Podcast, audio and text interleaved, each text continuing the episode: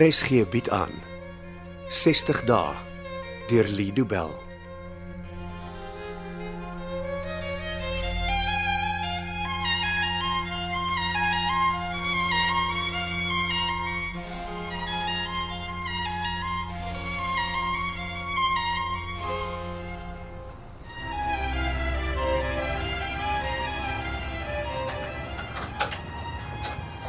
Hallo. Ek maak dit gou storie klaar. Ek dog jy's al gister klaar. Gister se storie is al lankal geplaas. Ek het vanoggend 'n nuwe opdrag gekry. Lyk my hulle hou jou besig. Interessante onderwerp. Ja, die donker web. Die wat? Jy weet, daar 'n deel van die internet wat jy slegs op spesiale maniere kan bereik. Bestaan dit nog? Groter as ooit. Lyk vir my die skelms neem by jou dan alles. Dis soos enige ander deel van die lewe. As 'n mens nie vinnig wel gooi nie, vat die slegte elemente maklik oor. Waar was soek hulle storie? Wie die web gebruik en wat is die donker dade wat gepleeg word wanneer niemand dit kan sien of daarvan weet nie. Ens gister se storie was weer oor jong mense wat nie meer belangstel in kantoorwerkie. Vandag moet 'n joernalis 'n regte jack of all trades wees, né? Hoe was jou dag? Ja, die gewone. Behalwe vanoggend was nogal interessant. Jy het hier op die oomblik 'n interessante saakie het jy? Nee, alles is maar die gewone good guys, bad guys nonsens wat 'n prokureur moet hanteer. Hoe langer ek op kantoor werk, hoe meer voorspelbaar word my werk. Jy kort weer 'n lekker hofsaak. Met Susan se leë het ek een. Maar ek kry die gevoel dat een of ander van die senior vennote die saak by my gaan wegvat. Wat laat jou so dink? Niemand sê iets nie, maar ek voel ek word met valkoor dopgehou. Dink jy dis oor sy met Kaal getroud is? Ja, die vennote sien altyd mooi om na hulle eie belange. Daai ouens is almal in dieselfde bootjie. Met prokureurs is reputasie mos koning. As die een val, dan val almal. En die res van ons saam. Julle sal moet voorbrand maak. Hoe bedoel jy? Julle sal met mense moet praat, persverklaringe uitreik, die hele kaboedel. Dis die teenoorgestelde van wat die vennote wil hê. Daai mense lewe pragtig in die vorige eeu. Hulle probeer daarom bybly. Of wie ook al die narratief van die storie beheer is in beheer van die uitkoms. Die vennote sal nooit perverklaringe maak nie, nie oor Susan nie. Sy sal 'n vonnis moet uitdien. En elke dag wat sy agter tralies sit, sal dit die firma se reputasie net verder skade aandoen. Miskien nie. Dis wat my oggend interessant gemaak het. Ja, jy was dou voor daggie weg sonder om my eers te groet. Ek het so rustig geslaap, ek kon dit nie oor my hart kry om jou wakker te maak nie. Was julle vroegoggend ekspedisie direk buurte in darm suksesvol? As wat ons uitgevind het waar is, is dit die beste nuus ooit. Wat het gebeur? Ek en Dennis het min of meer dieselfde tyd van die oggend die pad gery wat Susan van die restaurant af huis toe geneem het. Hou dronk mense ooit by hulle planne. Susan het. Miskien was hy meer nigter as wat ons gedink het. Hy was by dieselfde geleentheid as die res van ons. Ja, en ek het gesien hoe slinger die arme vrou na haar kar toe. Het jy gesien hoe klim sy in haar kar? Nee. Ons was dan nou almal binne in die restaurant, besig om partytjie te hou. Ek sal moet soek of daar iemand was wat haar sien wegry het. Hoekom sou dit nodig wees? Susan het erken dat sy in die kar was en dat sy die fietsry raak gery het. Dis wat ek ook gedink het gebeur het. Maar jy glo dit nie meer nie. Nee, Wat het vanoggend gebeur? jy mag met niemand hieroor praat nie en beslis nie daaroor skryf nie. Scouts honor, beloof. Ons het nie iets gevind nie, maar wel iemand ontmoet. Daai tyd van die oggend. Ja. In die vroeë oggendure het ek in Dennis met Kurt Meiburg ontmoet. Wie sê? Hy woon daar. Die ongeluk het reg voor sy huis gebeur. Het hy dit gesien? Ja en nee. Wat 'n lieflike prokureurs antwoord Richard. Verduidelik jouself asseblief. Daar's sekuriteitskameras op sy muur, Daar's 'n opname van die ongeluk. blykbaar. Wat bedoel jy? Het jy nog nie die opname gesien nie? Nee nee, Dennis is later vanoggend terug om met die meneer Meiburg te praat. So Dennis het ten minste al die ongeluk gesien. Wat sê hy? Hy kan niks sê nie want hy het ook nog nie die opname gesien nie. Meneer Meiberg kan mos nie sulke belangrike inligting gehou hê, Mou nie, kan hy? Nee, die polisie moet die opname kry. So wat is dan die probleem? Hy kan dit nie op sy rekenaar kry nie. Hoe oud is die man? Hy is in sy 70's. Dennis sê hy moet wag tot een van meneer Meiburg se kinders die opname vir hom kom soek. As ons so oud word, moet ons altyd net op hoogte bly van elke nuwe skuif in tegnologie. Ja, min mense kry dit reg nie. Ek het jou nog nie vertel wat die groot verrassing is wat ek in Dennis vanoggend gehad het nie. Nee, jy het dit. Ek kon sien jy brand al van hier aangekom het om vir my iets te vertel. Stel jouself vir 'n groot verrassing. Jy sal jy 'n joernalis onkant kan vang hè? Dit lyk nie asof Susan die kar bestuur het nie. Wat? Daar was 'n man agter die wiel. Dis wat Meiburg beweer hy op die kameras kon sien. 'n Man? Makal was dan saam met ons by die restaurant. Ja, dis 'n vreemdeling wat bestuur het. Wie? Meiburg sê dat hy 'n sweetpak met 'n hoodie gedra het. Ja. Oh, so al sien ons die opnames, sal ons steeds nie weet wie hierdie man is nie. Dit sal ons eers uitvind as Meiburg se kinders vir ons die opname opspoor. Maar Susan het nooit iets gesê oor iemand anders in die kar nie. Sy was fees te dronk om so iets te onthou. En nou sit ons met 'n veel groter probleem. Dit lyk nie vir my hierdie saak gaan een van jou makliker sake wees nie. Beslis nie. En Susan weet nog nie dat die fietsryer dood is nie. Hoe Nou is dit moontlik dat ek sulke nuus voor haar hoor? Dis nie regverdig nie. Jy's reg ja, maar dokter Loos weier dat ek of enige iemand anders nou met Susan mag praat. Maar hoekom sou sy dit doen?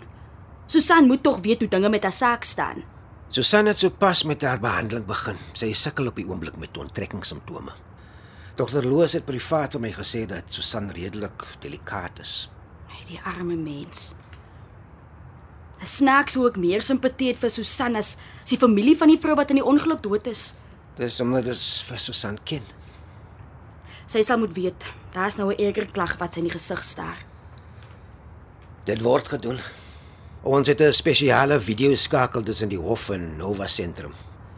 Dit is slegs 'n formaliteit, haar borg en alles anders bly soos tevore. Alles is dieselfde. Behalwe vir Susan.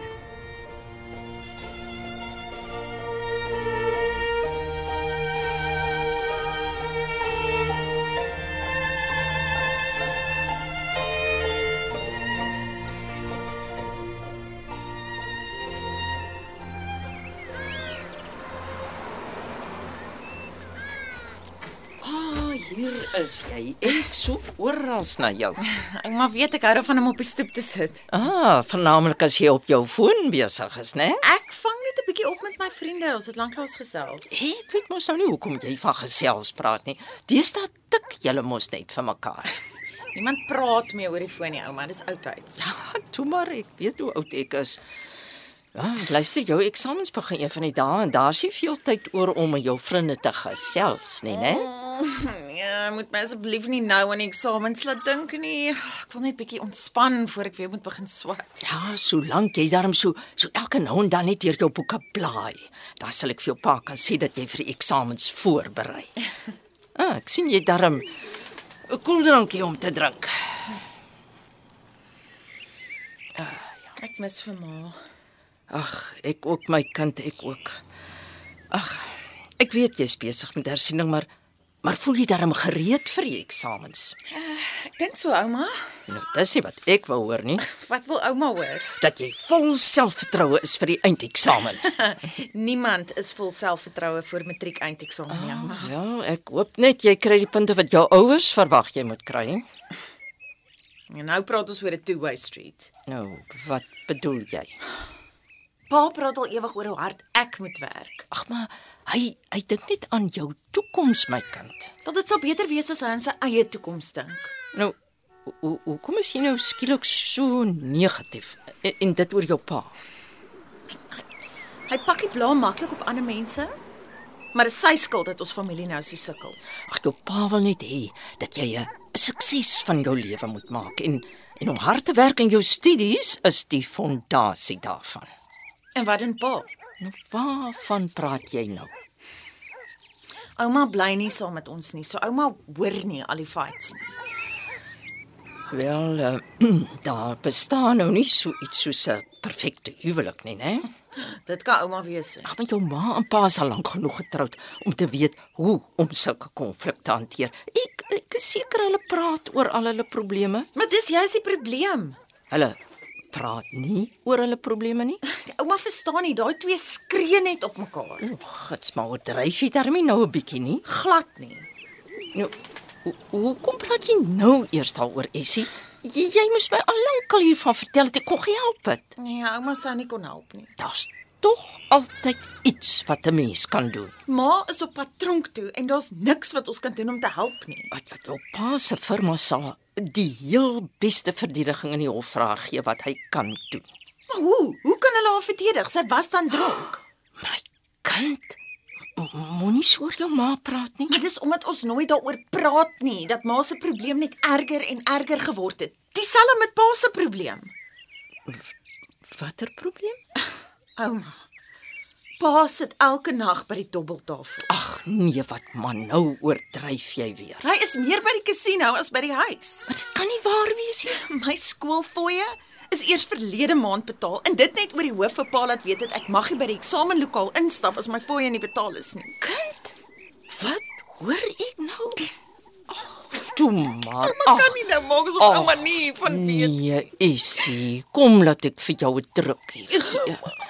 Ag man, Ag, ek ek weet al vir jare van my dogter se probleme en ek ek het al privaat met haar daaroor gepraat, maar maar jou pa se eskapades by die kasino is vir my nuus. Dit dit kan nie meer so aangaan nie. Verandering moet kom, al moet ek dit self laat gebeur. Wat wil ouma doen? Maar ek weet nog nie, maar 'n plan sal ek maak. As ons net met ma kom praat, dan sou alles ook beter gewees het. Eh, Dalk moet ons na die dokter luister. Dokters weet nie als. Ja. Ja, dis ook waar. Ma se dokter weet nie hoe belangrik ouma vir haar is. Ag, maar jy is nog belangriker as ek. Maar jou ma het ons nou nodig. Ja, nou meer as ooit. Wel, dan maak ons twee nou 'n belofte vandag dat dat die twee van ons eerlik met mekaar sal wees. Niks word weggesteek nie, né? En as daar 'n probleem is, dan praat ons daaroor. OK, ouma. En as as iets gedoen moet word, dan spring ek en jy in en doen wat gedoen moet word. Al is dit moeilik. Vernaamlik dan. Enigiemand kan die maklike probleme oplos, maar dit neem 'n gedetermineerde vrou om die lewe se moeilikste probleme aan te pak. Ouma klink nou soos 'n generaal wat haar troepe probeer moed inpraat. Ja, jong, jy's nie verkeerd nie. Die volgende paar maande sal vir ons twee soos 'n oorlog voel. Ag, oh, en ek moet nog my eksamen steurkom. Ag, jy weet ek sal jou help. Maak nie saak wat jy nodig het nie. Jou ouma is altyd hier vir jou. Ek weet, dankie ouma. Is uh, is dit wie een van jou vriende wat aandag soek? Ja, ag, maar hy kan wag. Ek praat eers met my ouma. Hy Dis net 'n vriend. van die manlike geslag. Ja, ouma, meisies kan mansvriende hê. Nou weet jy nou. Ja, Nou gaan jy vir my sê wat sy naam is. uh, ja, um, Ek wag. dis Dawie.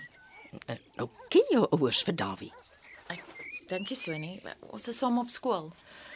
Nou, hoekom het jy nog nie vir jou ma en pa van hierdie seunskind vertel nie? Want hulle is besig, ouma. Ma sit in die tronk en pa lê by die kasino. Wanneer moes ek hulle vertel? Dit was 60 dae deur Lido Bell. Cassie Lauers beheer die tegniese versorging en dit word in Kaapstad opgevoer onder regie van Anri Gerbst.